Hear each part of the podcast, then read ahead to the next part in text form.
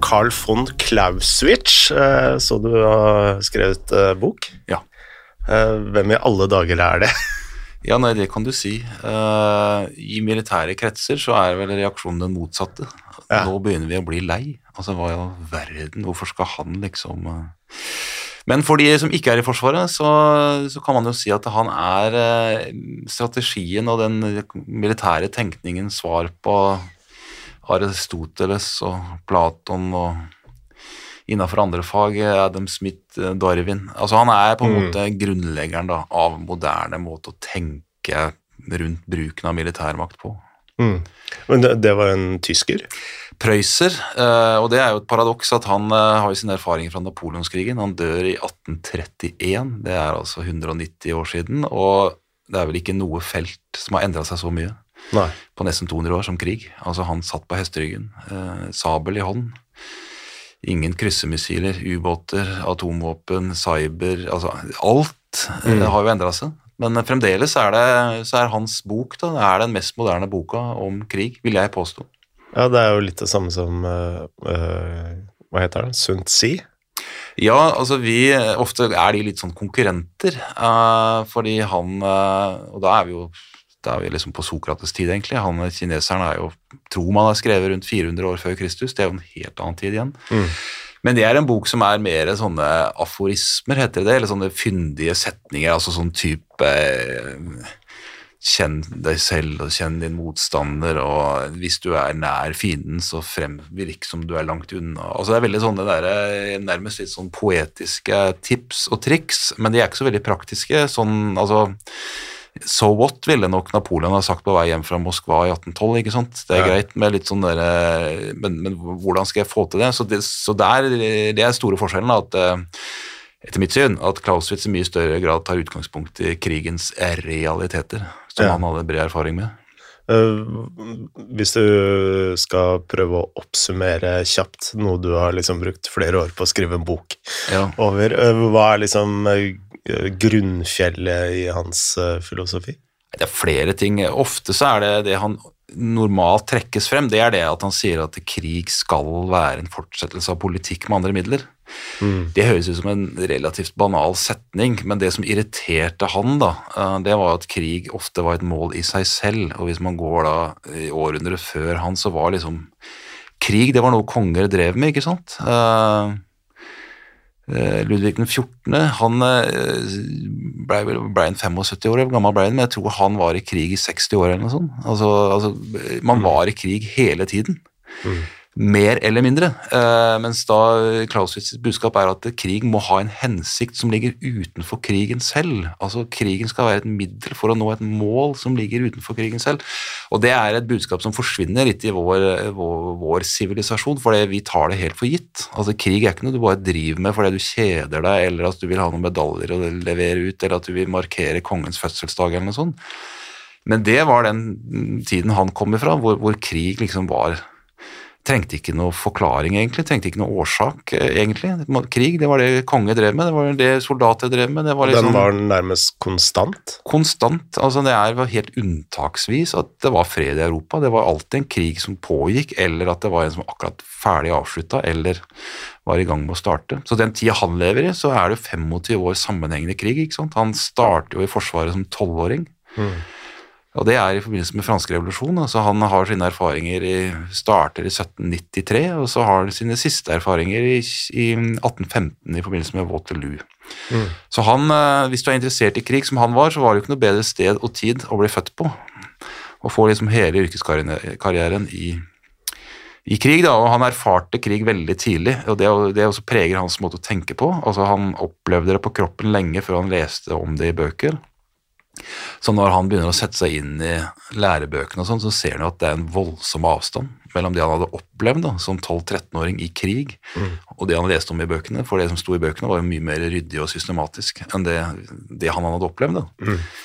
Og så tenker vi i dag også på Tyskland som en veldig stor og mektig nasjon. Vi tenker på første verdenskrig, andre verdenskrig og sånn, men, men Prøysen i hans tid det var den minste av stormaktene i Europa. og i 1806 så taper de et kjempeslag mot Napoleon, og etter det så lever de utelukkende på Napoleons nåde. altså Napoleon kunne ha fjerna de fra kartet når som helst, så det også preger Tankene hans er at Prøysen er eh, en eh, underdog, ikke sånn supermakt midt i Europa, men altså en som eh, må virkelig mobilisere alle krefter for å komme tilbake. Mm.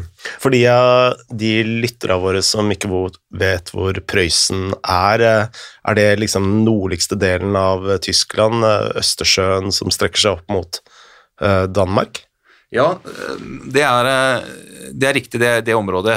Tenk Berlin eh, og rundt i området der. Men det som er spesielt eh, for oss å tenke på, er at Prøysen ikke var ett sammenhengende landområde. De hadde altså landområder spredt rundt forskjellige steder, og det kom jo gjennom krig, gjennom ekteskap, gjennom arv osv. Så, videre. så de hadde områder helt fra Nederland i vest og langt inn i dagens Polen som ikke var sammenhengende. og det var et sånt slektsgenerasjonsprosjekt for disse ja. prøyssiske kongene var å prøve å samle dette lappeteppet til, eh, til sånn at det ble mer sammenhengende og mer eh, naturlige grenser. og Litt av bakgrunnen for at Adolf Hitler også ville ta en del av Polen? Ja, altså det er jo de samme områdene. Um, og Prøysen ligger ganske langt, altså det opprinnelige Prøysen ligger ganske langt øst. ikke sant? Königsberg, som i dag er liksom denne herre russiske, eller enklaven, altså langt, langt eh, øst, egentlig. Um, og det som preger også Clauswitz' oppvekst, er jo uh, krigen som startet i 1740, som er altså 40 år før Clauswitz ble født, men da starter Fredrik den store, som da er liksom konge, som er konge i Prøysen. Han uh, prøver å ta et kjempejafs av Østerrike. Mm.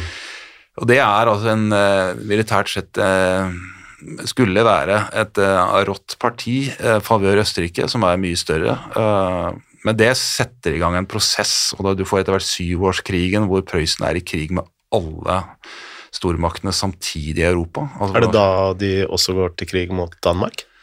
Eller er det senere? Det, da tenker du på 1860-tallet, vil jeg tro. Ja. ja det er århundret senere. Ja. Så, så, ja, der ser du.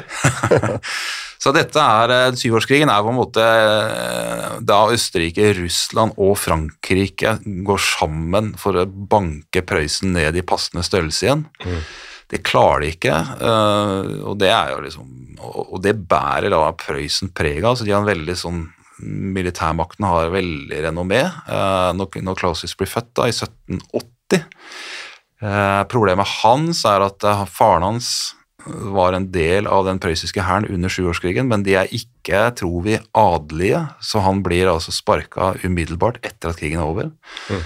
Fredrik den store ville bare ha, ha adelige som offiserer, naturlig nok. Eh, men eh, han mista mye folk under syv års intens krig, så etter hvert så begynte han liksom fire litt på kravene, og da tok han inn litt mer eh, usikre folk som ikke var adelige. Nå påsto Clausius-familien at de var adelige, men det er ingenting som tyder på det. Mm. Men sånn var det litt, da. Eh, så Clausius Carl han vokser opp i et hjem hvor faren er skatteoppkrever, som jo ikke er verdens mest populære yrke. Eh, vi tror at det er en sånn, litt sånn veteranpleie. altså at vi kan ikke bruke det i Forsvaret lenger, men, men du, du, kan få kreve, kreve skatter. Ja. Så han vokser opp i et hjem, og det sier han jo, hvor, hvor, hvor forsvar og militær og sånn snakkes om hver dag. Eh, og det er liksom flott, og det er eh, alle kompisene til faren er veteraner eller tjenestegjørende offiserer, så han mener jo sjøl at han vokser opp i en militær brakke. Og at de synspunktene han får der, er ganske sjåvinistiske og militaristiske. Um, Problemet er jo at når han vokser opp, så har jo ikke han mulighet til å bli offiser sjøl, for det er fremdeles altså Fredrik den store lever jo fram til 1786, og, og, det er ingenting som tyder på at de noen gang skal bli offiserer sjøl, men det er liksom drømmen. Så det mm. ser for meg liksom at det er som uh, i fotballverdenen, at du vokser opp i et hjem hvor du blir fortalt hvor kult det er å være fotballproff, men du skjønner innerst inne at uh, det kommer ikke til å bli mitt liv. Nei. Men uh, det hadde vært spennende. Mm. Eh, du, altså, du har jo skrevet en eh, rekke bøker, og, men du En bok som eh, kanskje har mye med med Clausewitz sin bok å gjøre. Det er krigskunstens historie.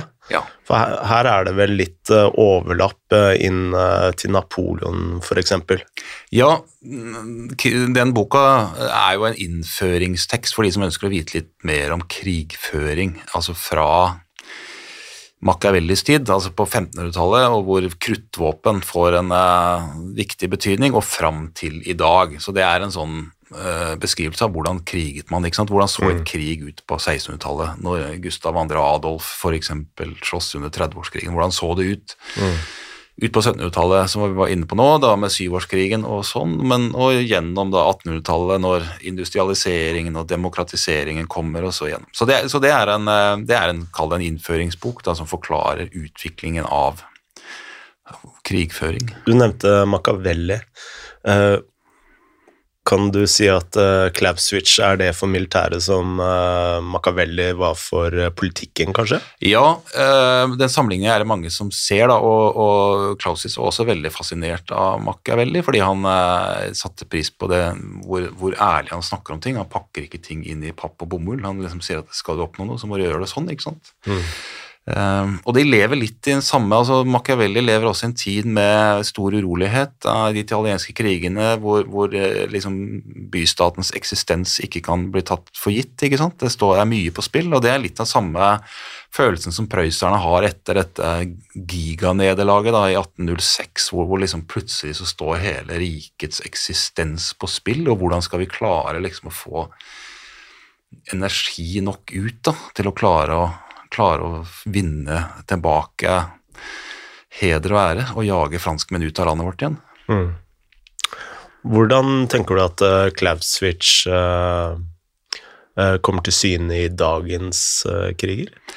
Nei, det er, I og med at han er kall det en sånn klassiker, da, altså han klarer liksom å peke på noen sånne generelle sammenhenger, og, og som vi var inne på tidligere også, så er det jo litt pussig at det er en som levde i så annerledes tid enn vi sjøl lever i, militært teknologisk, altså at han skal ha såpass mye fornuftig å si, men det er kanskje også en del av forklaringa eh, på at det han har å si fremdeles er relevant, fordi han ikke var opptatt av teknologi i det hele tatt. Mm.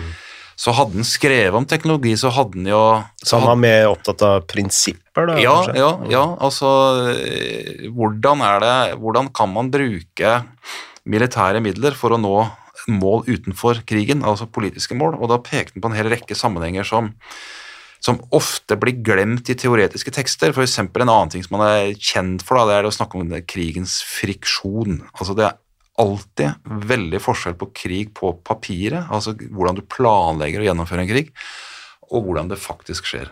Mm. Og det ville jo alle som har deltatt i kriger, ville jo sagt det. Selvfølgelig er det sånn, det vet vi alle sammen når vi har vært ute. Altså, vi har en plan, og igjen fotball. Du sitter i garderoben, du er enig om hvordan du skal gjøre det. ikke sant? Kommer du ut på banen, så tar det altså fem sekunder, så husker ikke hva de snakka om engang. Eller i hvert fall, altså, det blir noe annet. Eh, Mike Tyson hadde vel et eh, Eller treneren til Mike Tyson hadde vel et ordtak at eh, alle har en strategi helt til du blir slått i trynet. Ja, nettopp. Og det er, det er en sånn erfaring som alle har, men, men før Clausewitz sin tid så, så ville teoretikerne, eller de som skrev lærebøker og sånn, de ville sagt at det tilhører ikke teorien. Mm. Teorien må liksom lage disse vinklene og fortelle hvordan du skal kjøre frem artilleri og kavaleri og sånne greier, så, så kan vi ikke liksom blande inn realiteten i dette her. Eh, litt sånn som Newton og Galilei og sånn gjorde innenfor fysikken, at vi ser bort ifra eh, friksjon, og vi prøver å regne på liksom sånne eh, rene verdier, kall det da. Mens Clausewitz mye, tror jeg, pga. sin egen erfaring, så det, det gir jo ingen mening. Altså, Hva i all verden skal vi med militære lærebøker som er så løsrevet fra virkeligheten? Vi må skrive lærebøker som tar utgangspunkt i hvordan krigen faktisk er. Og der møter han, der møter han som relativt ung, så møter han da eh, Gerhard Scharnhorst, som er litt samme typen som han. Han er en generasjon eldre. Eh, og han er lærer på krigsskolen i Berlin når, når Carl kommer dit, da, eh, tidlig på 1800-tallet, 1801. Og, og de, der skjønner Carl med, altså her, eh, han er, er opptatt av det samme som meg. altså Hvordan kan utdanning, hvordan kan bøker, hvordan kan forberedelsen i fred, hvordan kan, hvordan kan det bli mer relevant for krigen? For det hadde altså irritert altså de årene etter han hadde vært altså Clausewitz hadde vært i krig fra han var 13 til han var 15 år. Og fra han var 15 til han var sånn 21, så var han i garnison. Så da fikk han god tid til å lese. Og de seks årene brukte han til å irritere seg over at hvor fjernt er både lærebøkene, men også det vi trener på ute på appellplassen. Det har jo ingenting med det jeg opplevde i de to årene. Så vi må få dette, sammen, vi må få dette sånn at utdanning og lærebøker faktisk hjelper oss når vi skal ut i krigen, og vi ikke fjerner oss fra den virkeligheten. Og det er jo mange som har pekt på senere også, det der at eh, hvis lærebøkene blir for å si, ryddige, så er du faktisk ikke bedre forberedt. Du er dårligere forberedt, for du blir så overraska når du kommer ut i krigens kaos. For du trodde at dette var liksom Så det er eh, også en viktig arv fra eh, Clausewitz, den tanken om at krigens kaos, usikkerhet, følelser, sinne, frykt, hevngjerrighet Alt dette må være med i den systematiske tenkninga om krigen. Vi kan ikke dytte det vekk og si at nå skal vi tegne vinkler, og så skal vi telle antall hester. Og Det er derfor også han får eh, en renessanse etter, etter atomstrategien kommer, og det virker enda rarere, egentlig. at uh, atomvåpen må jo være fryktelig fjernt fra napoleonskrigene og Men det var en del tenkere som, som følte at uh, disse som drev og telte atomstridshoder og drev med førsteslagsevne og andreslagsevne og tenkte teoretisk om det, de glemte helt flaks, uflaks, eh, tilfeldigheter, teknologi som svikter. Og, og, og mennesker, hvordan tolker, hvordan tolker russerne det vi gjør, liksom? Mm. Teller de, tenker de på samme måte? Altså, Hvordan er kulturen deres? Hvordan vil de håndtere en begrensa atomkrig? Vil de liksom Og så videre og så videre. Så de tenkte at det, noe av det samme var Clausewitz opptatt av. Han var lei av disse opplysningstenkerne som hadde veldig sånne klare teorier, og alt så veldig flott ut på tegnebordet, men var mer eller mindre irrelevant for virkeligheten. Så pussig nok så får altså da Clausewitz en renessanse som følge av atomvåpen, og det andre var som følge av amerikanernes eh, frustrasjoner i Vietnam. Virker som han er veldig opptatt av empatisk tenkning. Ja, han er opptatt av, eh, han er opptatt av mennesker sånn som vi faktisk er, og krigen hvordan den faktisk er. Og det var altså, og, og mennesket har jo både empatiske evner, og, men også andre sider som han også ser. da. Han opplever jo mye, spesielt i, i Russland i 1812. altså Det er jo fryktelig scener han blir utsatt for, og som han Det er bare, altså det er helt ja, fryktelige ting som han ser, og, og som han eh, og som andre også ser. ikke sant? Men Og da snakker vi Napoleon, ikke sant? da snakker vi Napoleon, fordi eh, det så langt har vi ikke kommet i beretningen, men, eh, men når Napoleon da bestemmer seg for å angripe sin allierte Russland i 1812, så forlanger han at Prøysen stiller såkalte hjelpetropper. Altså han vil ha 25 000-30 000 prøysere som han vil ha med seg mot Moskva. Det er mange pressere som er veldig uenige. Det er ikke i vår interesse. Og eh, Carl er så uenig at han hopper av. Han slutter i det prøyssiske forsvaret og skifter side til Russland. Så han drar dit eh, våren 1812 eh, og opplever til sin overraskelse at i Russland så snakker mange russisk. Eh, Så det er ikke så lett å Rundt eh, keiseren, eller tsaren, eh, og, og i, i hoffet hans og i generalstaben så var jo fransk mye godt det de snakka, da. Og, og det beherska jo Carl også, men, men han eh, som ung mann, ikke sant, par og 30, utlending Han får hilse på tsaren, liksom, men, men det er jo ikke noen av de generalene som står der og ønsker han spesielt velkommen, liksom, og sier at nå er vi veldig interessert i hva du mener. Han opplever liksom at han er en veldig liten spurv i en stor altså, Så han, det året han er i Russland, så får han ikke gjort så mye, men, men han er til stede liksom ved mange av disse hendelsene, da, Borodino og på vei tilbake igjen spesielt, da, hvor, hvor han ser altså denne flyktende russiske, eller flyktende franske eh, Grand Armé da, som, som går til grunne, både pga. vinteren, men etter hvert også pga. av russiske militære mottiltak. Da. Ja, for Napo eller Hitler eh, begår vel akkurat den samme feilen som Napoleon gjorde der. Ja, eh, og Hitler prøver jo omtrent krysse grensa omtrent på samme dagen òg, som eh, Napoleon gjorde. Eh, Man kan jo mistenke, altså Problemet med Napoleon var jo at han hadde jo ingen planer om å gå til Moskva. Men Han hadde vel forsyninger for tre uker. altså Det han er på jakt etter, er et stort slag. Mm. Og regner jo med at tsar Aleksander vil stille opp på et stort slag.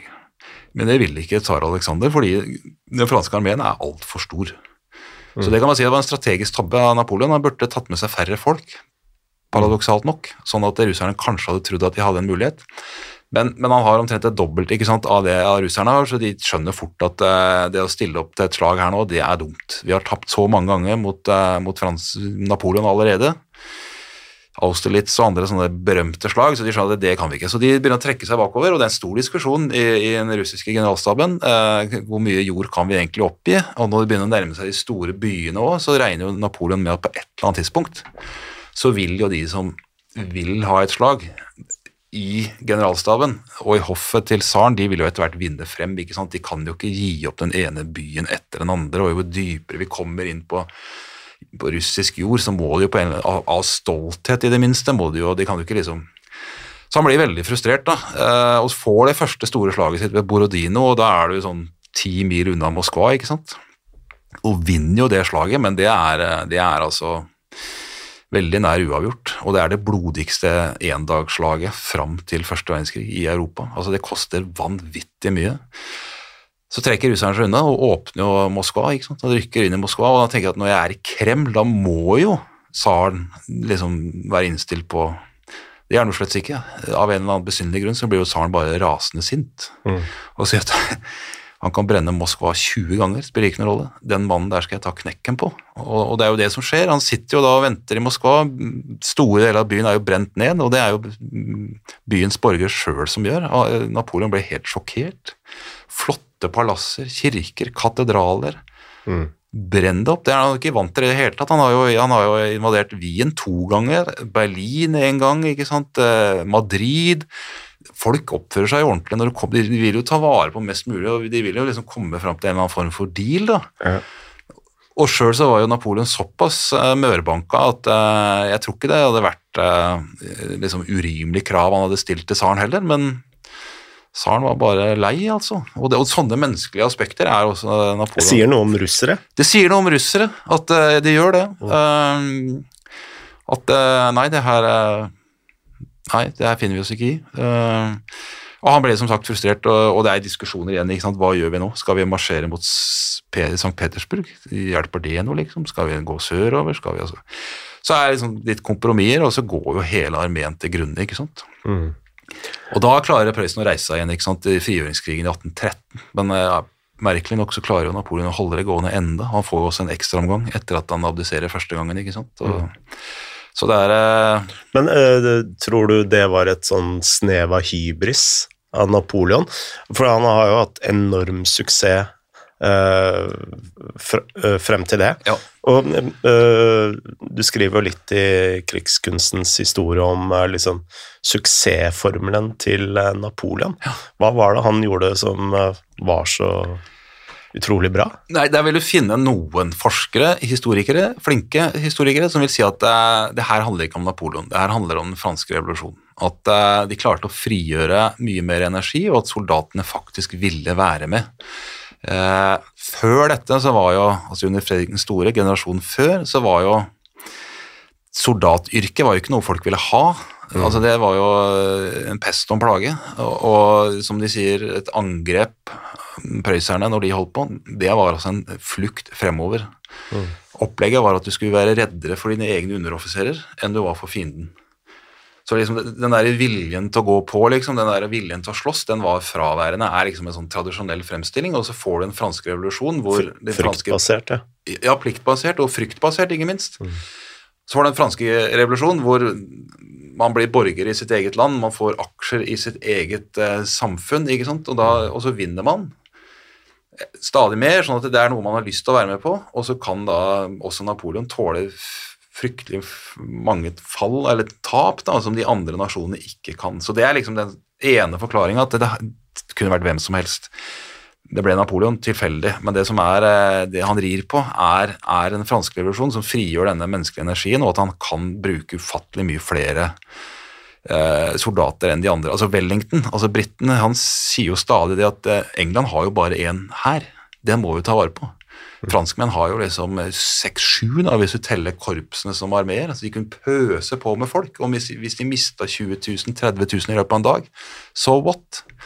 Napoleon var liksom kynisk og sa det produserer jo altså eh, kvinnene i Paris. De retter jo opp i det i løpet av en natt. Det tar riktignok en 18-19 år før vi ser resultatet, men, men altså, han, et helt annet måte å tenke på. Men jeg støtter ikke den teorien, fordi at det var veldig mange andre eh, franske marskalker, mange av de veldig dyktige, men ingen av de hadde jo det grepet som han hadde. Eh, så er spørsmålet hva Det ene er at han hadde et veldig blikk for terreng. Altså Han så liksom hvordan, hvordan er det avstander, hvordan tid tar det å komme fra A til B.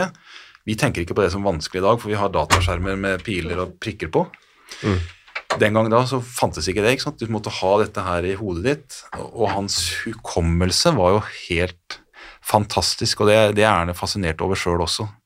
Og det er noe som man leser mye i kildene, det er evnen han har til å tenke store og små tanker samtidig. Altså Han kan drive og planlegge angrepet på Moskva, han kan stå midt på slagfeltet, og så kommer det en eller annen adjutant og spør hvordan var det tapeten du skulle ha i den stua i det palasset? Mm. Eller hvordan var det med lønnsøkning nå til de som jobber i teater? liksom? Og Han sier at hodet hans er som en sånn eh, skuffesystem, hvor han sier liksom at eh, hvis noen kommer og spør meg om eh, hestetøy eller produksjon av sko, så bare drar jeg ut den skuffen i hjernen min, så ligger de tingene der som jeg tenkte på sist. Og når jeg er ferdig med det, så bare dytter jeg den skuffen igjen, og så åpner jeg den jeg holdt på med. Så det er et eller annet oppi hodet hans som gjør at han har et voldsom oversikt over hvor er avdelingene, hvor er ting.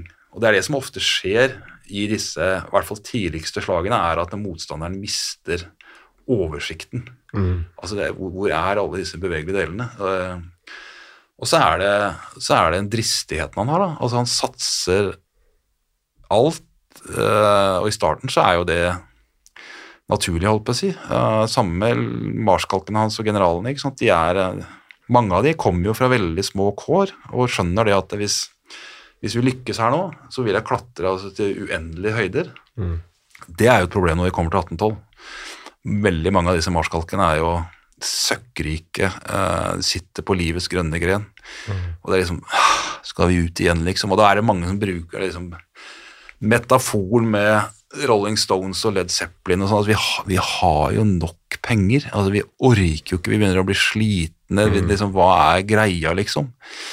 Men Napoleon kommer aldri der. Han mister aldri gnisten, liksom. Eh, dette, og det er jo forklaringa bak krigen i 1812 òg, for det er ingen som skjønner egentlig hvorfor han skulle det er ingenting Russland har som han trenger, uh, men det er litt den prestisje, og han føler liksom at tsaren begynner å yppe seg litt, og liksom Å uh, oh ja, du tar den. Mm. Så liksom eh, Men stort, stort sett alle rundt den sier at jeg tror ikke dette er noe lurt, kompis, og det hadde de jo rett i.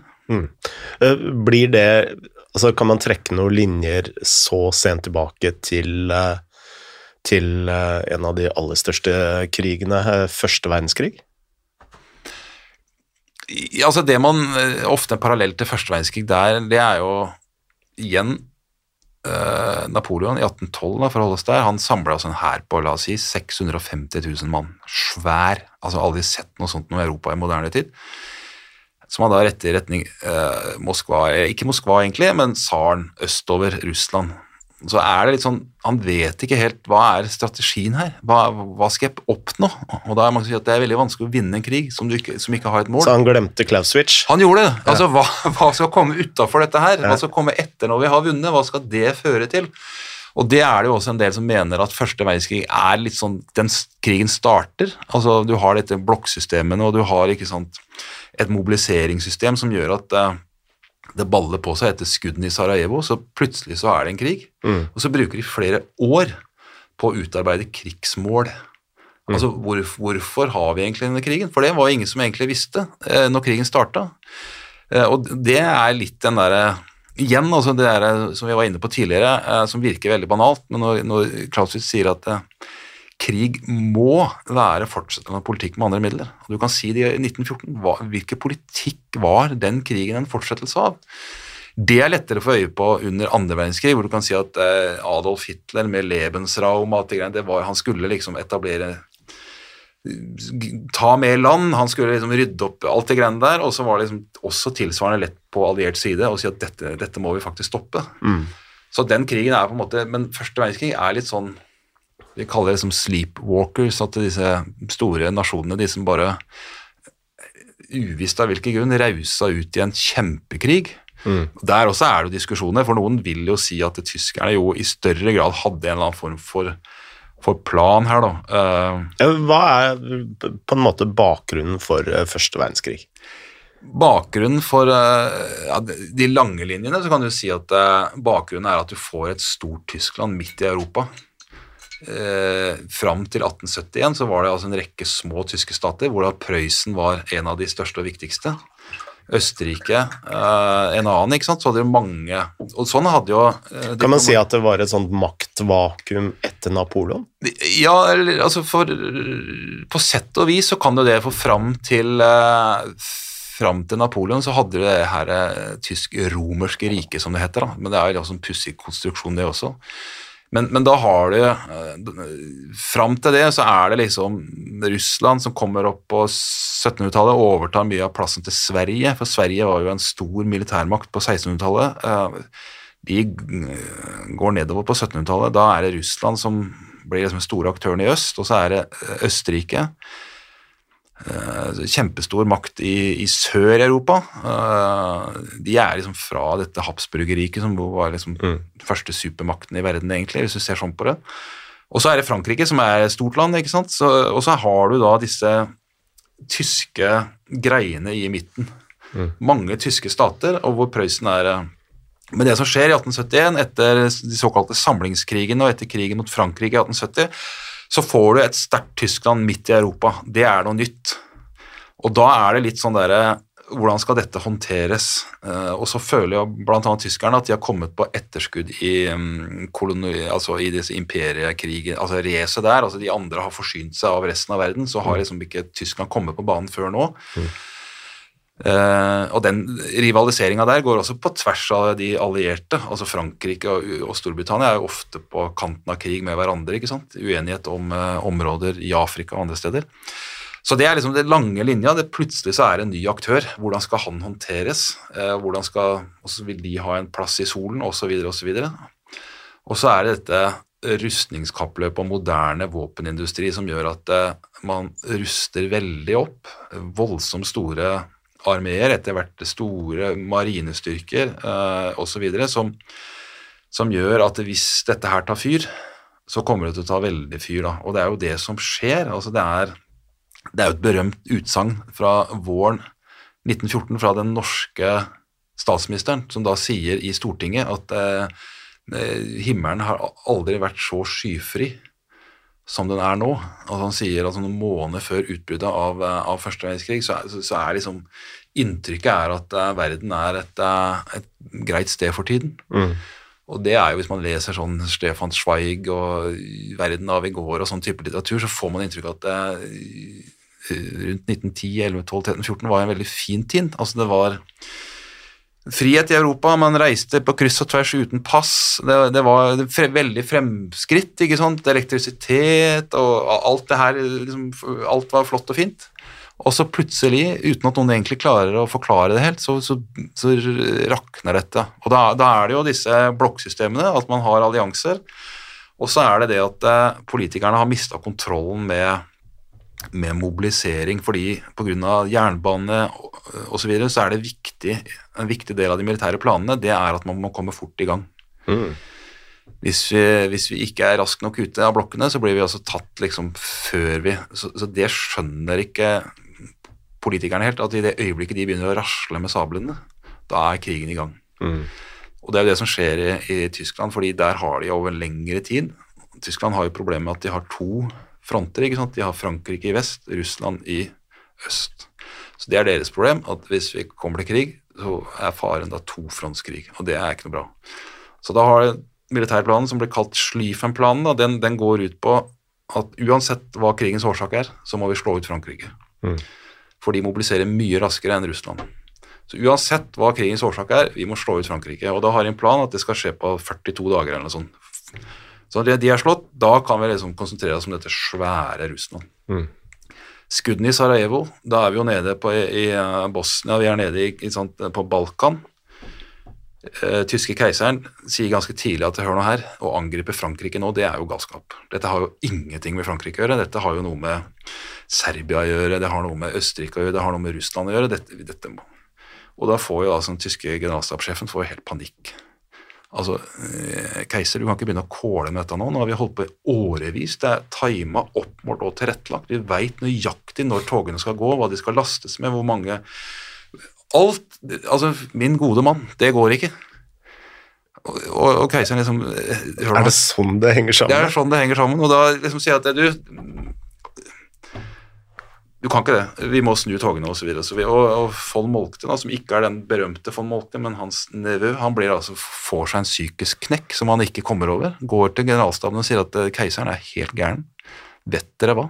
Han vil at vi skal ned Russland. Det er jo ikke men så har da, pga. mobiliseringa går så fort, så har altså de første allerede begynt å krysse grensene i Belgia og sånn, og da sier man i London at eh, dette går ikke. Så da er krigen i gang. Så da får von Måten en telefon om at det er greit. Og nok en gang er vi tilbake til realitetsorienteringen til Klauswitz. Ja, ja, ja. ja. At det her, her hadde jeg liksom Igjen så hadde jeg Ja, for jeg har aldri fått grep eh, på hva i alle dager har skuddene med Sarajevo med Frankrike og Belgia å gjøre? Nei, nei, nei det, det var også keiserens umiddelbare oppfatning, er at eh, dette her er lokalt. Dette vil nok eh, Altså eh, Det vil nok bli krig her, ja. Eh, Men, men, men det, planene var sånn. Eh, Og britene, for britene så er det hvem som er på eh, østsida av den engelske kanal, det er et særdeles viktig spørsmål. Så derfor så var Belgia altså Briter bryr seg ikke om, noe mer om belgiere enn andre, og de også kryssa jo altså de, den respekten for folkeretten og sånn, men, men i det øyeblikket eh, tyskerne, og det var en del av eh, De tok den sjansen, ikke sant, eh, for å komme rundt eh, de franske forsvarene, så, så kjører vi gjennom nøytrale Belgia. Rent militært, operativt, så var det fornuftig. Men politisk, strategisk, så var det katastrofalt. fordi at i det øyeblikket de gjorde det, så sier Storbritannia at eh, det kan ikke vi akseptere. Eh, Hvem som befinner seg på den andre sida av den engelske kanal, det er for oss helt avgjørende viktig. Eh, Og da er de i krigen også, uten at de på en måte har forberedt seg på det. De har jo heller ikke noe armé, liksom, som er Det var vel Bismarck noen år før det som liksom fikk spørsmål om hva gjør dere hvis, hvis den britiske armeen blander seg opp i dette. Og da var svaret liksom at da ringer vi den lokale lensmannen. Han mente liksom at den britiske armeen, den var, det var småtteri. Det, Royal Navy derimot, det, det var noe annet. Men, eh, men, så, så det tar jo tid, eh, og du har jo disse voldsomme ikke sant, eh, tapene, fordi man gjør seg noen erfaringer høsten 1914 òg, ikke sant. Hvilke effekt mitraljøser har, og, og gamle formasjoner, eh, uniformer med flotte farger og renner i bukser altså det, De oppdager etter hvert at det, krig har endra seg veldig. Her må vi gjøre noe. For, fordi dette blir jo en av de første moderne krigene, nær sagt. Ja, det gjør det. Uh, ofte så vil man si at den amerikanske borgerkrigen, der ser du en del av disse tendensene. Altså Der har du jernbane, som gjør at du kan frakte veldig mye folk og materiell. Du har moderne skytevåpen, ikke sant. Uh, rifler som gjør at du treffer på langt hold. Uh, artilleri. Så under den amerikanske borgerkrigen, fra 1861 til 65, så ser man en del av disse tingene. eh, Og så sier man at man tar ikke det helt alvorlig i Europa, liksom, fordi eh, det er jo bare en gjeng med amerikanske bønder som jager hverandre rundt på landsbygda. Det har det noe med oss å gjøre? Men når man ser det i ettertid, så ser man mye. Også slutten her er med skyttergraver, og fordi man skjønner at man kan ikke operere sånn som Napoleon og gjengen gjorde, ikke sant? for de red jo mot linjene til Wellington gang etter gang etter gang, og det gikk jo da, når du hadde eh, geværer som ikke traff i særlig grad. Altså Det var jo helsefarlig å bli truffet da også, men når du får mitraljøser og rifler som treffer på 300-400 meter, så får du en sånn sone foran motstanderen hvor du ikke kan bevege deg. ikke sant? Så hester og sånn får jo ikke noe særlig effekt under første verdenskrig, fordi de er allergiske mot, uh, mot uh, mitraljøseskudd, i hvert fall i store mengder. Så, eh, så der, Og så har du den russisk-japanske krig i 1905, som også er med moderne våpen, som også peker fremover mot så det er, og, og Man ser jo i reglementer og sånn at generalene på, i vest også skjønte jo at, eh, at mitraljøser eh, spesielt, men også moderne artilleri, har gjort noe med måten å føre krig på. Men det var ikke helt lett å se hva alternativet skulle være. Og så har du jo kjemiske våpen. Det kommer også, eh, som de etter hvert bruker uh, heftig. Og, og det sies liksom at uh, de soldatene som gikk i krigen i 1914, de vil altså ikke ha skjønt noen ting av det som skjedde i 1918. Altså De fire årene så skjer det så mye. Men så sier man at de som opp, var med i 1918, de ville forstått ganske mye av Gulfkrigen i 19, 1991. Altså fordi det, Under første verdenskrig så kommer fly for alvor, ikke sant? Tredje dimensjon. Eh, Wright Brothers fløy jo første gang i 1903, så det er altså bare elleve år siden man første gang kom i luften. Og i 1914 så er det altså ti-tolv, ja, eh, titalls fly. Ganske enkle greier. ikke sant? Man sitter i cockpit med, med, med rifle, eller man kaster håndgranat. ikke sant? I 1914. Gjennom de fire åra med krig så utvikler man alt det vi i dag kjenner ikke sant? med jagerfly, bombefly, speiderfly, maritime fly osv. Det er en voldsom utvikling i lufta. Og så er det stridsvogner, ikke sant. De fantes ikke før. De kommer. Gass, piggtråd altså, veldig, altså Det moderne slagfeltet oppstår i løpet av de fire åra. Voldsomme endringer. Og øh, ryktet liksom til øh, første verdenskrig-generalene er jo ganske dårlig. Altså Man tenker at de var jo ganske tette i pappen, og det har jo um, Blackadder Jeg vil tippe mange av lytterne dine ikke vet hva det er, men altså for, uh, Blackadder, uh, det er Mr. Bean, det. Ja, det er samme, sku, det er samme skuespilleren, Ja. men, men han lagde jo eh, noen sånne serier fra hvor han uh, starta veldig, eh, om det var middelalder, men i hvert fall mm, så hadde han uh, Napoleonstida, og så hadde han eh, etter hvert første verdenskrig, og den første verdenskrigsserien ble jo veldig berømt, ikke sant, fordi at, eh, eller berømt, populær, for der ble jo generalene fremstilt som fullstendig sinnssyke, ikke sant, og, og De gjør det i filmer òg, egentlig. ja, de gjør det. Eh, og mange vil jo si, eller mange, men, og det er jo historikere òg, liksom, liksom at det var lions led by donkeys. Altså, altså Soldatene de var altså helt det ypperste merket, men generalene var så tett i pappen, og de satt liksom på, i franske slott langt unna frontlinja og liksom drakk dyre rødviner, og mens gutta omkom i bøtter og spann i i skyttergravene, men, men det er altså en karikatur som ikke er ufortjent, da, for det er jo ingen ingen generaler, ingen generasjon som har opplevd så mye endringer som de gjorde. da. Altså Det var en helt annen krig som starta i 1914, og det var en helt annen altså, virkelighet de kom ifra. Og den krigen som ender i 1918, er, det har skjedd så mye endringer. Det er det ene. Og det andre er at eh, om du lærer noen ting, så lærer motstanderen òg. Så det var jo en voldsom utvikling, det du var inne på med gass, piggtråd, skyttergraver, fly og alt det greiene. ikke sant? Problemet var at motstanderen lærte like mye, ikke sant. Så, så, det, der, så det er ufortjent at de, var, eh, at de var spesielt tett i pappen. Og det der med sånn chateau generalship, at de satt i disse franske slottene, det hadde ikke bare med at de ville ha det komfortabelt, men de hadde jo med datidens eh, kommunikasjonsmåter å gjøre. ikke sant, At det, det var linjesamband. Så vi skulle, du måtte sitte der, der telegraflinjene møttes. I skyttergrava så var de fleste telegraflinjene skutt i filler, så hvis generalen hadde sittet i skyttergrava, så hadde han altså ikke fått med seg noen ting, så han måtte komme seg et stykke unna sånn at han kunne snakke på i telegrafen. Men det gjorde jo at det kunne ta dager, eksempel det mest berømte Som-slaget sommeren 1916, så er det jo sånn at eh, Haig, den engelske sjefen, han er jo helt sikker på at eh, dette her kommer til å gå ganske glatt, for da har de brukt en uke, en uke med sammenhengende bombardement av de tyske linjene, og han tenker at hvis det er en kakerlakk eller en rotte som elever der, så er det maksimalt, ikke sant? Er, her er det bare å og, og, og det gjør de jo. De går opp av skyttergravene og spaserer mot de tyske linjene, og oppdager jo da at de bunkersene og dekningsrommet og sånn har vært så godt utbygd og dypt i bakken at de er jo fullt virksomme. Så da mister jo britene 60 000 mann i løpet av én dag. 20 000 drepte, eh, 40 000 skadde i løpet av én dag, og det får jo ikke generalen med seg. Altså Det tar jo flere dager før han skjønner at eh, det her endte helt annerledes enn han trodde. Og det har noe med kommunikasjon på si, farlige side av skyttergraven, så var det helt mørkt informasjonsmessig. Man hadde ikke bærbare radioer, man var basert på linjer, altså telegraflinjer, og de ble jo selvfølgelig skutt i småbiter, eh, så man ante ikke det var som å være på baksiden av månen, det tok tid før ordonanser, altså du begynte å samle et sånt situasjonsbilde da, som fortalte at dette her hadde gått virkelig galt. Ja, øh, altså jeg har sett en del filmer øh, og lest et fåtall bøker om første verdenskrig, og øh, det å se øh, Man liksom beordrer soldater opp av øh, skyttergravene for å storme fiendens linjer, og så blir de bare plaffa ned Ja. med mitraljøse etter én meter, og så er det en ny veiv, ny nedplaffing. Ja. Ehm, Var det sånn det var, eller?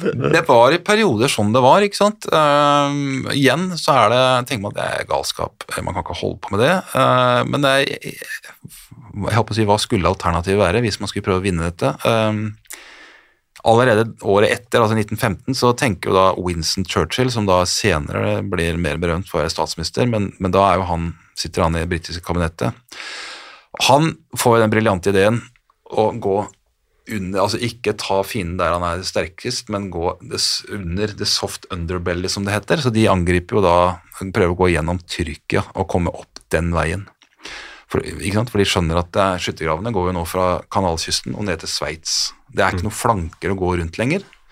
Uh, vi må liksom gjennom dette. Det. Så da tenker jeg, det er ikke noen flanker her, men hvis vi gjør det på strategisk nivå, hvis vi nå seiler gjennom Middelhavet og opp gjennom Tyrkia den veien, mm på papiret en ganske lur idé, men katastrofalt resultat. ikke sant? Fordi igjen, Det kunne også Clauswitz sagt noe om, dette er med krigens friksjon. Altså Det som ser ålreit ut på kartet. Ok, avstanden er sånn, vi har så mange skip, ja, men når realitetene kommer, uh, så var det altså det var en katastrofe, så det virka ikke. For det ottomanske riket ja. var på tyskernes uh, side, ikke sant? Det var de. Ja. Uh, det var de. Uh, og det er spesielt australiere og newzealendere og sånn som var med i den operasjonen der. Mislykka. Mm. Det Churchill gjør da, er litt spennende, eller litt Han er politiker. tar da det personlige ansvaret for dette og drar i felt, altså i Frankrike. Det syns jeg er litt Se den politikeren i dag eh, som hadde gjort det. Som hadde gjort det. At mm. eh, greit nok, eh, eller greit nok, ille nok. Altså Planen min gikk i dass, eh, og jeg skjønner at det ikke er så veldig populær i regjeringen lenger konsekvensen blir jeg tar på meg uniformen og så drar jeg og var som oberstløytnant altså i, i felt da, i månedsvis i Frankrike. Før han begynte å kjede seg, selvfølgelig. Ja, For han men, slåss jo også i, i Sør-Afrika før det. Han, jo, han, var jo blant annet med på et av de siste store kavaleriangrepene ikke sant, i, Afrika. Ja. Han var i Afghanistan, India, han var på Cuba. Men, men, det var jo den tiden, og der skriver han jo om det. ikke sant, om det var jo den lykkelige tiden hvor, hvor britiske imperialister hadde alle fordelene i form av våpenteknologi, eh, medisin og alt det der. Så, så det som han kalte det jo liksom eh, a splendid game. altså Det var en form for eh, litt avansert polo. Revejakt, liksom. Altså, så han syns jo første verdenskrig ødelegger jo alt det. ikke sant? Dette er jo industrialisert, det er masseslakt, ikke sant. Det er, det er mm. Så, så, han er jo eventyrsøkende og reiser jo mer eller mindre rundt som journalist. Og det er jo det han sier han er når han blir tatt til fange i, boerkrigen, ikke sant. Mm. Han er ikke noe veldig god til å la seg innordne. Han er jo trent fra Sandhurst, han er jo soldat egentlig, men han liker jo ikke å være det. Det skjønner vi jo når vi blir kjent med ham i voksen alder, at han er jo ikke noen sånn type som liker å stå i grunnstilling og være en del av mengden. Han er jo Så han, nei, han har en veldig spennende bakgrunn, og når han skriver sine memoarer i 1930, da er han jo snart 60, ikke sant. Da har han jo levd et spennende liv. Mm. Har mye å fortelle. Mm. Men det mest, viktigste kapittelet gjenstår jo. Det var jo ikke så mange som visste da, men, mm. uh, men det, og, frem til det, da så så hadde han jo gått på tap etter tap etter tap uh, på mange måter, da. Ja, ja, uh, absolutt. og han ble jo sett på 30-tallet etter dette her, så er han jo sett på som en sullik, ikke sant. Han, han, India takler han veldig dårlig. Han er jo ikke noen tilhenger av, av frigjøring av India. Han spiller jo på gale hest når det gjelder dette her kongespillet, når kongen abdiserer og alt dette greiene her. ikke sant? Så mm. han, han blir sett på som en en litt sånn pussig skrue, som jo hadde sin tid under første verdenskrig og de første årene ute på 1920-tallet, men, men, som da på 30-tallet ble sett på som en litt sånn dinosaur som har øh... Men nå snakker vi oss bort fra skyttergravene, men, men, øh, det var øh, sånn det starta. Altså de man må prøve å finne en eller annen måte å komme seg inn i skyttergravene på. og Det man fant ut en periode, var at vi lager en sånn barrasje, som det heter. At vi bruker tungt artilleri som spiller opp, som blir en eller annen form for sånn skjerming foran infanteristene. Så når de infanteriet legger en sånn stråle med, med jeg håper å si eh, prosjektiler da, foran infanteristene, så skal det liksom beskytte dem når de kommer. Og det er jo også noe som kan se bra ut på papiret, ikke sant. Mm. Hvis, hvis, du liksom legger en sånn skjerm med artillerinedslag som går liksom 20 meter foran infanteristene, så er det jo ikke mulig for tyskerne å komme opp av disse sheltera sine uten, Men det er lett å se for seg at det her går galt. ikke sant? Artilleriet treffer ikke, eller det går fortere, eller soldatene stopper opp fordi at uh, piggtråden er vanskelig å komme igjennom, eller det er for mange krater osv. Så, så, så de fant liksom Fikk det ikke helt til, og de første som får det til, det er tyskerne våren 1918. Da er vi ganske seint i krigen. Da har de altså skjønt at vi kan ikke liksom bryte igjennom på bred front. Vi må slippe opp og la små avdelinger enkeltvis lete etter åpninger i terrenget. Er det, er det mulig å slippe gjennom her? Kan jeg komme gjennom her? Og de får den der stormtropptaktikken som, som fungerer overraskende godt. Mm. Istedenfor liksom å slå deg gjennom med en planke, så er det altså små altså Spikere, dårlig metafor. Men altså de, etter det så ser det ganske naturlig ut. ikke sant? Vi, vi, prøver, vi slipper de løs nå, gutta. Eh, de har så tunge våpen de klarer å ta med seg, eh, men små avdelinger. Hvor er det mulig å komme seg fram? Mye bedre det enn den der eh, krig etter timetabellen som, som britene hadde. altså Klokka kvart over ni så spiller artilleriet opp. 09.18 så går infanteristene opp. 09.21 så Skjønner du? Dette Så tyskerne, de klarer dette, bryter igjennom. Det har ikke skjedd før på vestfronten. Uh, og de er sikre på, faktisk så markerer de seieren i, i Tyskland med, med gi skoleungdom fri, kimer med kirkeklokker, uh, gir uh, Hindenburg høyestedekorasjon. Altså de tar, nå er det liksom bare mop-up igjen. nå er det rydde, altså Vi har vunnet denne krigen. Mm. Man finner i rapportene til britene at de forbereder seg på å dra hjem. Mm. Krysse kanalen og la Europa seile sin egen sjø. Hva er det som endra seg? Nei, det er det at jeg jeg på å si, Baksiden av den medaljen var at når du hadde sluppet disse soldatene og avdelingene løs, så var det vanskelig å styre dem på den andre sida. Mm. Og det sier jo Ludendorff, som er generalstabssjefen, at vi, vi, har ikke noen plan, vi har ikke noen strategi for det som skjer etterpå. Vi, vi aner jo ikke hvordan det ser ut, så det, det, vi har en plan for, det er å slå hull. Komme oss gjennom de engelske linjene og franske linjene. Så tar vi det derfra. Mm. Det var liksom hans strategi. Kommer oss gjennom, og så tar vi derfra. Men da pulveriseres det. altså Den styrken går sånn, og den går sånn, og flere av de stopper opp og vil heller spise franske oster og drikke fransk rødvin, for de har ikke fått det på mange år. Mm. Så det bare liksom Og så klarer endelig også de allierte å få én felles sjef, og det er også litt pussig, kan man si, at de slåss i fire år. Side ved side, liksom. Men når denne krisen oppstår, så skjønner de at det, nå må vi kunne se alle ressursene på vestfronten under ett. Så vi må mm. få én mann som kan si det at eh, selv om det er en britisk avdeling eller engelsk avdeling, eller, eh, britisk, eller amerikansk eller fransk eller portugisisk, så vi må flytte den dit, og så må vi flytte den dit. Det er første gangen det skjer. Det er altså i mars 1918. Og da er det England som tar Da er det en fransk, den franske. Ja, general Fors som, er, som får det oppgaven. Og, og, det tar ikke mange dagene før britene begynner å protestere igjen? Når, når krisen er i ferd med å gå over. At vi kan ikke drive og høre på en franskmann. Herregud, vi må jo Så det er liksom eh, Så da er det Og etter det, eh, sommeren 1918, da da går det egentlig én vei.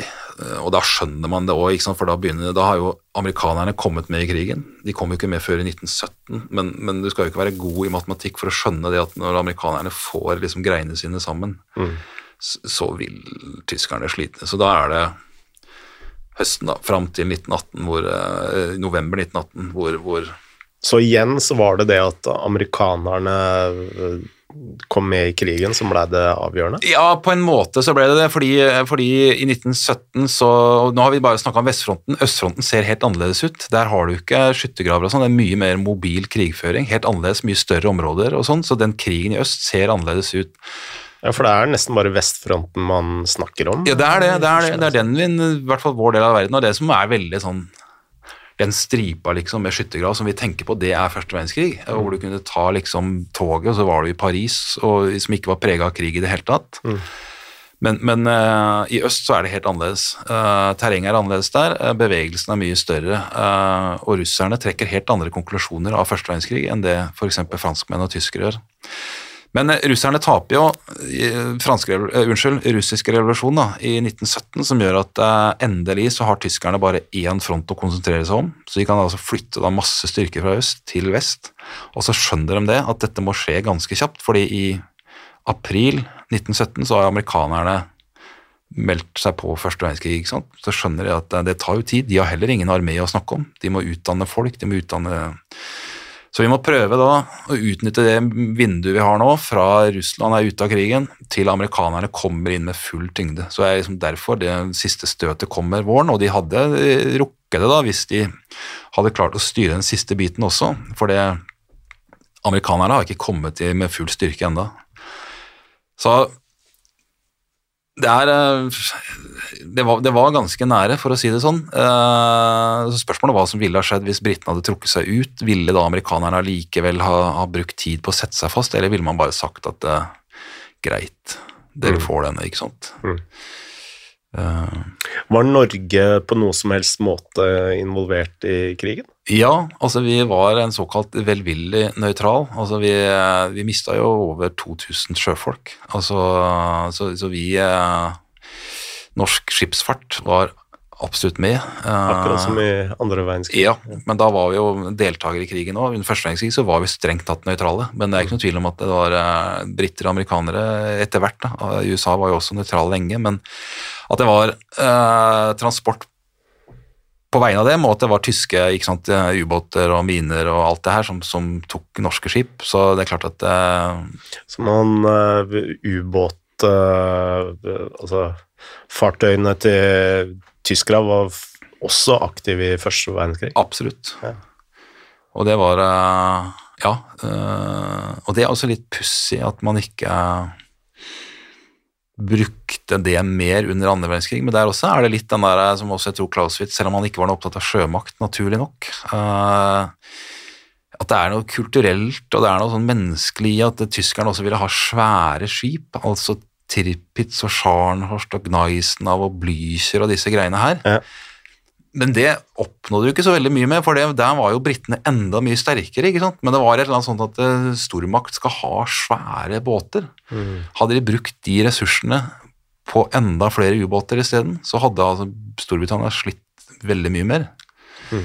Så det ble en sånn, Og det ble litt på motsatt side òg. Altså disse britene brukte veldig mye ressurser på å ta ut disse svære, disse, de største krigsskipene, men, men, det var litt sånn symbolikk i det. Ja, og du ser det jo i dag òg. Altså, når jeg hører deg prate, da, så tenker jeg at uh, Klauswitz uh, gjør seg også gjeldende i Russland-Ukraina krigen. Uh, ja. Altså, Uh, russere med store Moskva-båten og ukrainerne med små Javelin-raketter ja. som tar alt av tankser. Ja.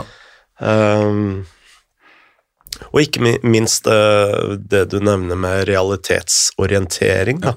Uh, alle så jo den gigantiske kolonnen til russere som blei tatt biter av litt etter litt. Eh, og bare stoppa opp uten bensin ja. eller ja. Så det er rart eh, hvordan militærhistorien bare gjentar seg og gjentar seg på mange måter. Ja, og jeg syns det var på flere nivåer. For jeg syns punkt én var jo våre egne eksperter. øh, flinke folk. Du har hatt noen i studio her også, ikke sant, som før utbruddet av krigen sier at det, det, vil jo ikke komme noe fullskala krig. ikke sant? For Hvis du ser på regnestykkene, så hva, hva er det Putin skal oppnå med det? Mm. Altså Han er jo nå en integrert del av, av uh, internasjonal økonomi og handel. Uh, han, han, vil tape så mye da, liksom på å få hele verden mot seg. Uh, og der har Clauswitz noe liksom, veldig sånn spot on liksom, når han sier at det, det nytter ikke bare å telle kanoner og hester og infanteri og liksom For det er et menneskelig aspekt i dette her òg. Det er litt sånn mm. prestisje eller hevn eller altså Som man sier at det, Han bruker begrepet krig etter algebra. Altså Krig er aldri ren algebra, og jeg føler at det, der var det en del, og meg sjøl inkludert, som var litt sånn at det, hør nå her, han kan jo ikke gjøre det. Det står altfor mye på spill. Men når vi sier altfor mye på spill, så er det ting som vi legger Tenk mye på. vekt på. Ja. Mm. Mens for en diktator, for en eller, altså han, For han var det andre ting som vi kanskje ikke hadde øye på. Og, og det, der syns jeg Clauswitz traff bedre enn uh, våre samtidige observatører. Og så bomma jo eh, Putin ja, på det her krigens friksjon. Der syns jeg den der lange kolonna og alt det greiene der, altså alt som går i dass, for det skjer hele tida i krig. ikke sant? Det er den brua var sprengt, eller det regna den dagen, eller du mangla altså Det er masse sånne småting som kjeder seg i hverandre og gjør at det liksom eh, Og så var det en tredje ting som han også kommenterer ganske klart, det er liksom det der med han, påstår, eller han mener uh, at det er en form for uh, balanse mellom statene. Nærmest som en sånn samfunnsvitenskapelig naturlov. For hvis det ikke hadde vært det, så ville en eller annen stat på et eller annet tidspunkt ha slukt alle de andre. Mm. Men det er sånn at når, en makt er i ferd med å få for mye, for mye innflytelse, så vil de andre, selv om de er uenige om veldig mye, så vil de andre slutte seg sammen. Og det har på en måte skjedd i alle Tyskland under første verdenskrig ble forsterket. Ok, da kom liksom eh, Frankrike og England, som egentlig var erkerivaler. ikke sant? Plutselig hadde de noen interesser av å holde han nede. I utgangspunktet så hadde nok ikke Ukraina så fryktelig mange sånne glødende tilhengere i, i Europa. Altså, vi så jo på Ukraina som litt sånn eh, udde, uh, egentlig. Altså, Er det helt demokratisk? Er det Og så videre og så videre. Men så kommer det angrepet og spesielt starten der, uh, gjør at plutselig så har Ukraina ufattelig mange flere venner enn det de trodde de hadde, og mm. mange flere enn det russerne trodde at Ukraina hadde. Mm. Men, men, det poengterer Clausewitz 200 år før dette her, at det er en sånn mekanisme. Hvis de andre ser at her er det en i skolegården som begynner å bli litt i overkant stor, så går de andre sammen, selv om de i utgangspunktet kan være uenige om det aller meste. Så det er en eller annen sånn form for maktbalanse der også som, eh, som, han setter ord på, da, som, som, eh, som, jeg tror kanskje Putin kunne hatt eh, Men det kan godt hende, og, og russerne har jo tradisjonelt lest lest mye militærteori, og Clausewitz ble tidlig liksom en aktør, kall det det, da, i, i russisk militær tenkning. Så jeg tror ikke det er sånn at hvis de hadde lest FOM-kriget, så hadde de ikke gjort dette her. Men det som er interessant, er jo å se at det er noen sånne skal ikke si at historien gjentar seg, men, men den rimer litt. da, altså, Du ser det er noen sånne type mekanismer som du kjenner ja. igjen fra den ene krigen til den andre. Det skal jo sies at uh, i forkant av, av, krigen så snakka jeg med en del kollegaer uh, ja. av deg som var ganske klare på at det uh, ville bli krig. Så det var jo et Det var jo også de som på en måte ja, noen har jo, og det har jo blitt litt sånn uh, debatt, hvem hadde rett og alt sånt, men, men uh, jeg, en del av de store, store i vår lille andedam, mm. altså de som nå kommenterer, uh, så var det jo så var jo liksom budskapet det at noen sånn fullskala krig det var lite sannsynlig. Jeg vet ikke hvem du tenker på som sa at, at det ville liksom bli en type sånn uh, okkupere hele Ukraina-krig? Nei, sånn. altså det uh, Jeg snakka med en del som jobba i Nato, ja. blant annet. Ja. Nei, for Man tenkte etter hvert som tiden gikk, og det, altså, når han investerte så mye, og de sto der så lenge, så skjønte man jo etter hvert at eh, Putin kunne ikke liksom bare pakke teltene sammen igjen og så dra igjen etter så mye. Så noe må han jo få med seg.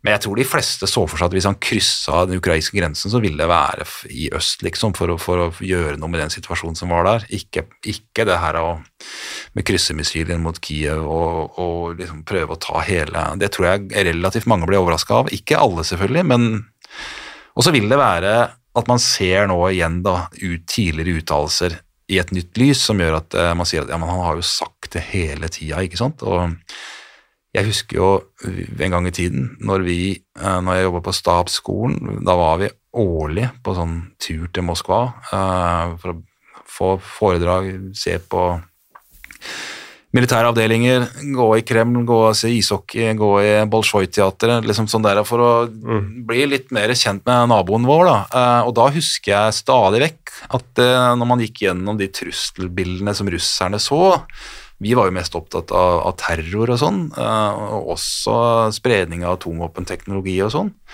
som var uh, høyt på vår Men de hadde altså Ukraina Hvis Ukraina ble medlem av Nato, så betyr det krig. Mm. Og da tenkte jo jeg og flere med meg at det, det, vi snakker jo ikke sånn i, Det her var i 2006-2007, liksom. Krig. Come on. Altså, det, krig er, det er Afghanistan og Mali altså, det er, Hva er det de fortalte dere at det uh, var så problematisk at uh, Nei, det er jo den derre uh, følelsen av innringning og den derre den der gamle russiske regelen om at de russiske grensene er ikke trygge før det er russiske soldater på begge sider. Mm. Altså den derre så jeg, jeg, tror at de tenkte at hvis Ukraina blir medlem av Nato, altså hvis amerikanske soldater, eh, Nato-styrker, eh, kommer så nær og inn i det, det er helt uakseptabelt. Mm. Man kunne sagt med det samme med Estland, Latvia og Litauen, men der har de vel sagt til en viss grad at, at det er liksom ikke en del av de er jo ikke ordentlige russere sånn sett. Så det liksom, for det var jo en frykt når Putin første gangen sa det at eh, oppløsningen av Sovjetunionen var liksom den største katastrofen i, i moderne tid, og man tenkte har han tenkt liksom å gjenetablere Sovjetunionen, mm. så har det den lille, lille haken ved seg da, at tre av de gamle sovjetstatene de har nå medlemskort i Nato. Mm. Det er et problem. Mm. Uh, men nå får vi se da hva, hva som skjer der, men, men, uh, det at han nå sliter så kapitalt i Ukraina, kan vel antyde at han kanskje ikke fortsetter. Men hva hadde skjedd om han hadde tatt Ukraina på en ukes tid? da? Ville han da fortsatt og liksom skal ha det som presang den dagen han, eh, han forsvinner fra jordens overflate, at han da gir sine russiske etterfølgere liksom Sovjetunionen tilbake igjen? Liksom. Jeg aner ikke. Jeg bare hørte i nyhetene at i Kasakhstan så begynte man liksom å tenke at eh, Ups, var ikke vi også en del av dette riket? Hvis, uh, ja. men uh, jeg vet ikke. altså igjen, Det er veldig vanskelig for oss å sette helt uh, ord på hva han tenker. Ja, for, bare, bare, bare, for å binde, binde inn Klauswitz ja, igjen, da, med det å, å, binde sammen det militære og det politiske, så har det jo vært en slags usynlig krig i Ukraina mellom eh, USA på ene siden og kanskje litt Europa på den andre siden, og Russland på den uh, tredje siden. Uh, sånn sett politisk, da. Hvor alle har uh, jobba for å få sine, sine politikere inn i, i, posisjoner, og noen har vel kanskje hjelpa litt i for stor grad uh, når det kommer til valg og sånt, men det er jo og vi ser jo også en debatt her både på ytre høyre side og ytre venstre side, uh, som også er helt merkelig at eh, de to har noe til felles i denne mm. debatten. At uh, man forsvarer Putins handlemåte fordi amerikanerne har gjort ditt, europeerne har gjort datt. Så er det jo ikke noe som kan forsvare en invasjon uansett. Nei, og Der har vel den store diskusjonen her i Norge gått, da, mellom de som kan mye om dette her. Altså, er, er det Putin nå gjør, er det egentlig å forsvare seg mot eh, amerikansk eh, imperialisme, kall det det, da, eller, eller, at Nato liksom prøver å innringe den, eller, eller, har det ikke noe med det å gjøre i det hele tatt? Er det mer Putins frykt for at et velstående, demokratisk, pluralistisk Ukraina, at det vil mm. liksom gjøre at også russiske innbyggere vil tenke at eh, hør nå her, kan ikke vi også få det sånn, da? Altså, de har det jo Og jeg er nok av de som til, jeg tilhører nok den gruppen, da. Altså, dette er jo ikke mitt fagfelt som sådan, men, men jeg, jeg, tror nok dette er mer en, eh, en aktiv handling fra Putins side, altså en frykt han har, ikke for at han skal bli angrepet av Nato, men, men at, at Sånn sett så er jo eh, ukrainsk medlemskap i EU en større trussel. Altså hvis, hvis Ukraina ser for deg det, at det blir et, eh, et, samfunn som ligner på vårt, hvordan er det da liksom å, å drive Russland sånn som man gjør i dag? Og så er det de elementene som vi sliter enda med å ta inn over oss. Det er jo dette her med stolthet og prestisje og sånn som er viktigere enn det vi vi tenker ikke sant, vi er nok mer kall det materialistiske i den forstand. og Det er mm. fordi at vi lever i en trygg del av verden. Altså For oss så er det liksom Lønner dette seg og sånn? Lønner det seg på sikt og sånn? Er, men akkurat Nei, jeg går til krig fordi jeg er forbanna, eller jeg går til krig fordi at jeg er Der også er det Det er tredje-fjerde et element av Clausewitz som du nå skal få, som han har blitt veldig berømt for. Det er en, det er en sånn uh, eh, vidunderlig treenighet. Det er kanskje en dårlig oversettelse, men han sier at alle krigshandlinger eh, blir påvirka av såkalte tre magneter. Tre magneter. Hvor den ene magneten er sammenhengen mellom militære midler og politiske mål. Militære midler er jo destruktive i sin natur. Altså Det vi i Forsvaret kan, kan, som ingen andre kan, det er å sprenge ting og drepe folk. Mm. Altså Alt det andre vi gjør, frakte ting og, og, og sette opp telt og sånn, det er andre som er bedre enn oss på. Men det som vi er aleine om, og det som vi er virkelig gode på, det er altså å ødelegge ting og ta livet av folk. Hvordan er det du får den evnen til å nå konstruktive politiske mål? I vårt tilfelle f.eks. utbre respekt for menneskerettigheter, eller få flere jenter på skole i Afghanistan, eller Så det er en sånn utfordring i seg selv. Hvordan nå konstruktive mål med destruktive midler. Det er den ene, ene magneten. Den andre går på dette med følelser, emotions. Hvor han, og det hadde han jo opplevd sjøl, at, at uh, i krig du opplever fæle ting. Kompisen din blir drept, eller du kommer til et sted hvor folk er voldtatt. You name it. Du blir sint. Også motsatt følelser. Altså, du ofrer deg for kompisen, du hiver deg på en håndgranat for de osv. Det er den tredje, andre magneten. De, de der målene du måtte hatt for, eller planen du hadde for å nå de politiske målene, blir altså forstyrra av at du blir Mm. hevngjerrig. Det der skal han ha igjen, eller et- skjønner du? Og siste trekanten er jo at motstanderen han prøver å gjøre dette vanskelig for deg, ikke sant? Ikke nok med at eh, det er vanskelig å finne ut av hvordan du skal bruke midlene for å nå måla, sånn som i Afghanistan, hvor vi nesten var aleine. Motstanderen hadde jo ikke noe særlig å tilby, men vi klarte allikevel ikke å få våre enorme ressurser til å lede oss til det målet vi hadde. Mm. Men i en mer jevnbyrdig krig så har de tredje magneten er jo at eh, motstanderen prøver å gjøre ting vanskelig for deg. Og da er spørsmålet alle de tinga du gjør for å unngå han eller møte hans motgrep, kan gjøre at eh, du fjerner deg stadig lenger vekk fra det politiske målet ditt. ikke sant? Så det skriver han om alle, krig, alle handlinger i krig skal gjennom det der kraftfeltet av de tre magnetene som drar dette her i ulike retninger.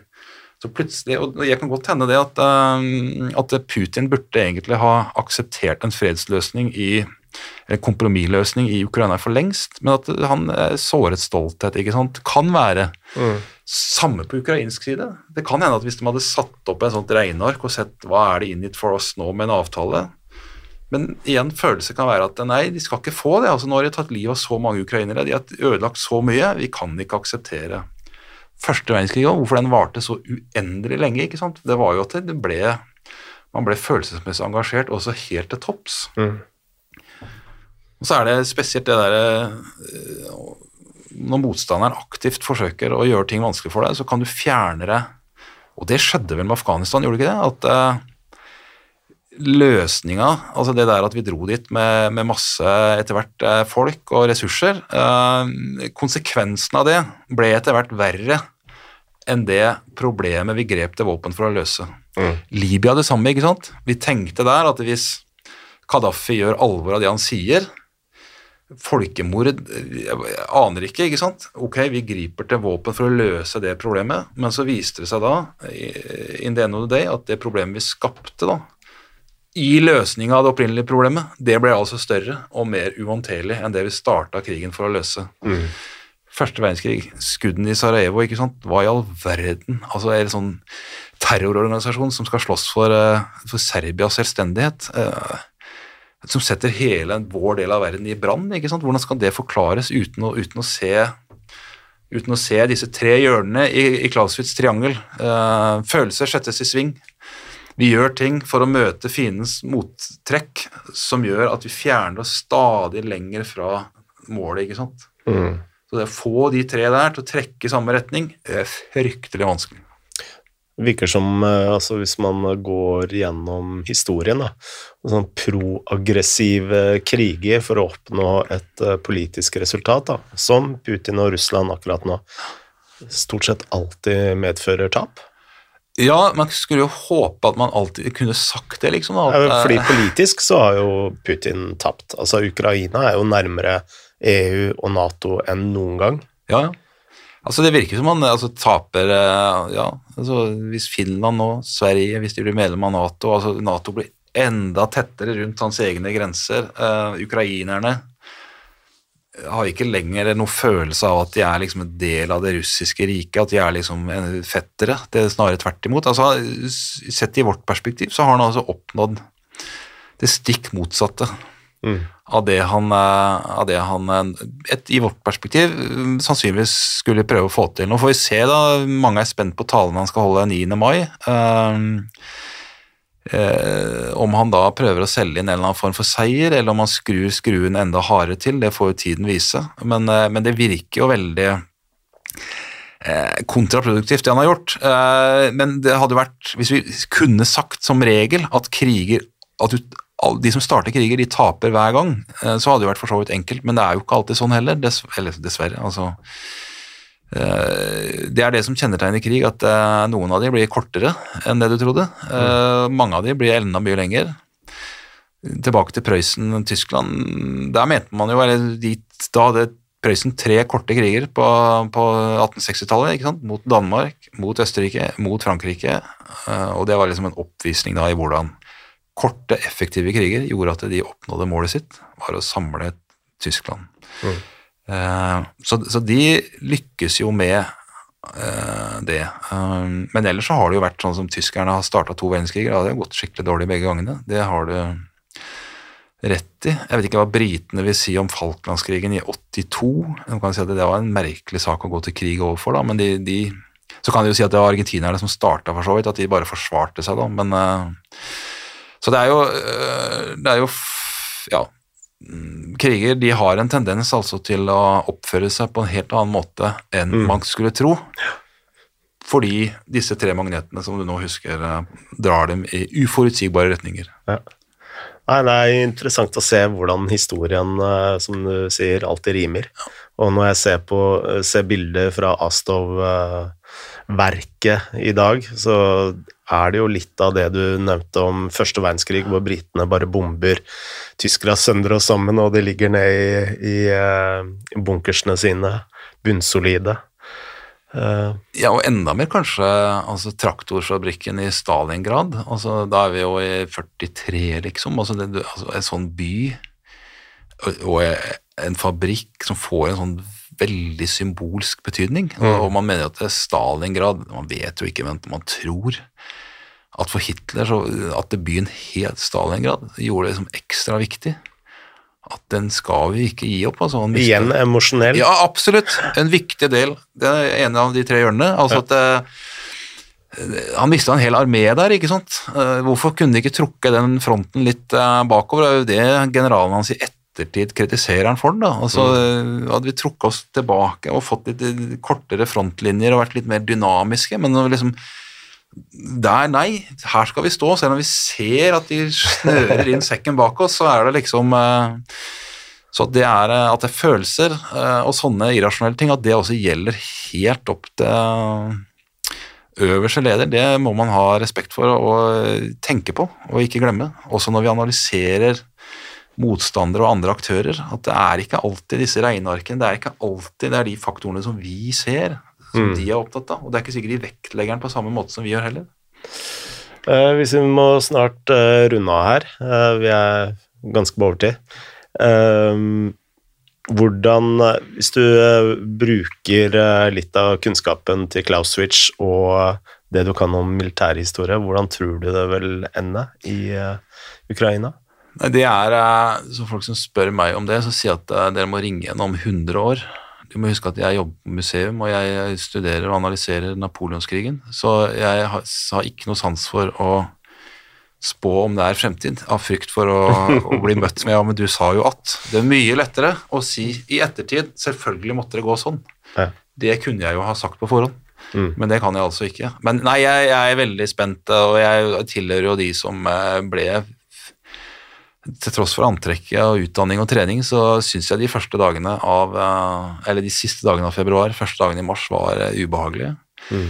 Eh, Det som skjedde, var så ut av det vi hadde vent oss til å tenke på. Altså Når man også begynte å snakke om og begynte liksom å begynte å rasle med atomvåpen, ikke sant? da var tanken litt tilbake til, eh, til første verdenskrig og opptakten der, at eh, vi rasler litt, ikke sant. Det betyr jo ikke all verden, vi kan jo rasle litt, men så plutselig så tar det ene det andre, ikke sant. Og så er vi en Det, eh, det jeg ble mest redd av, det var jo at apotekene var utsolgt for jodtabletter. Så ble vi jo fortalt at eh, herrer over 40 og sånn ikke skulle være så redd for det. Det var mer de yngre og sånn. at vi, Nei, nei altså det er eh, jeg, jeg tenkte konsekvenser, og så så man vindretning, og begynte å snakke konkret om dette. Men det var jo også knytta til Tsjernobyl og at du kunne få noen ulykker ved atomkraftverkene og sånn. Mm. Men det hele tatt at man begynte å snakke om atomkrig eh, som annet enn sånn teoretisk størrelse, det og, og det sinnet som Putin også hadde, han var jo altså en rasende mann, og måten han raljerte overfor sine nærmeste, nærmeste rådgivere liksom på dette her, eh, det virka jo som at han var på en helt annen planet enn, enn vi, har, vi er blitt vant til å være på. Mm. Så mm, Og vi, vi, har, vi vet jo ikke hvordan slutten er, så sånn sett så er altså krig er best på museum. Altså da er, det, da er det, kan du få litt avstand til det, du vet hvordan det endte, og det er jo ikke farlig lenger. Mm. Men uh, nei, så jeg syns situasjonen har vært uh, ubehagelig, selv om det, det ikke er mitt uh, Det er ikke før om 100 år, som sagt, at jeg skal gå inn i dette. Men, men vi får håpe at det ender opp med en eller annen form for fredsløsning, selvfølgelig. Det er vanskelig å se at russerne på en måte bare kan si at nei, dette gikk jo ikke. De må nok sitte igjen med noe, men det spørs jo hva de er fornøyd med. Om de syns at det å få liksom Krim landfast knytta til Russland, at det på en måte er verdt Jeg vet ikke. Og så er spørsmålet om Ukraina kan akseptere det, da, og sånn. Men eh, nei, det har vært eh, spennende tider. Eh, dessverre. Da får vi komme tilbake om 100 år. Ja, gjerne. Harald, tusen takk for at du ble med i Lia snakker. Moderne media.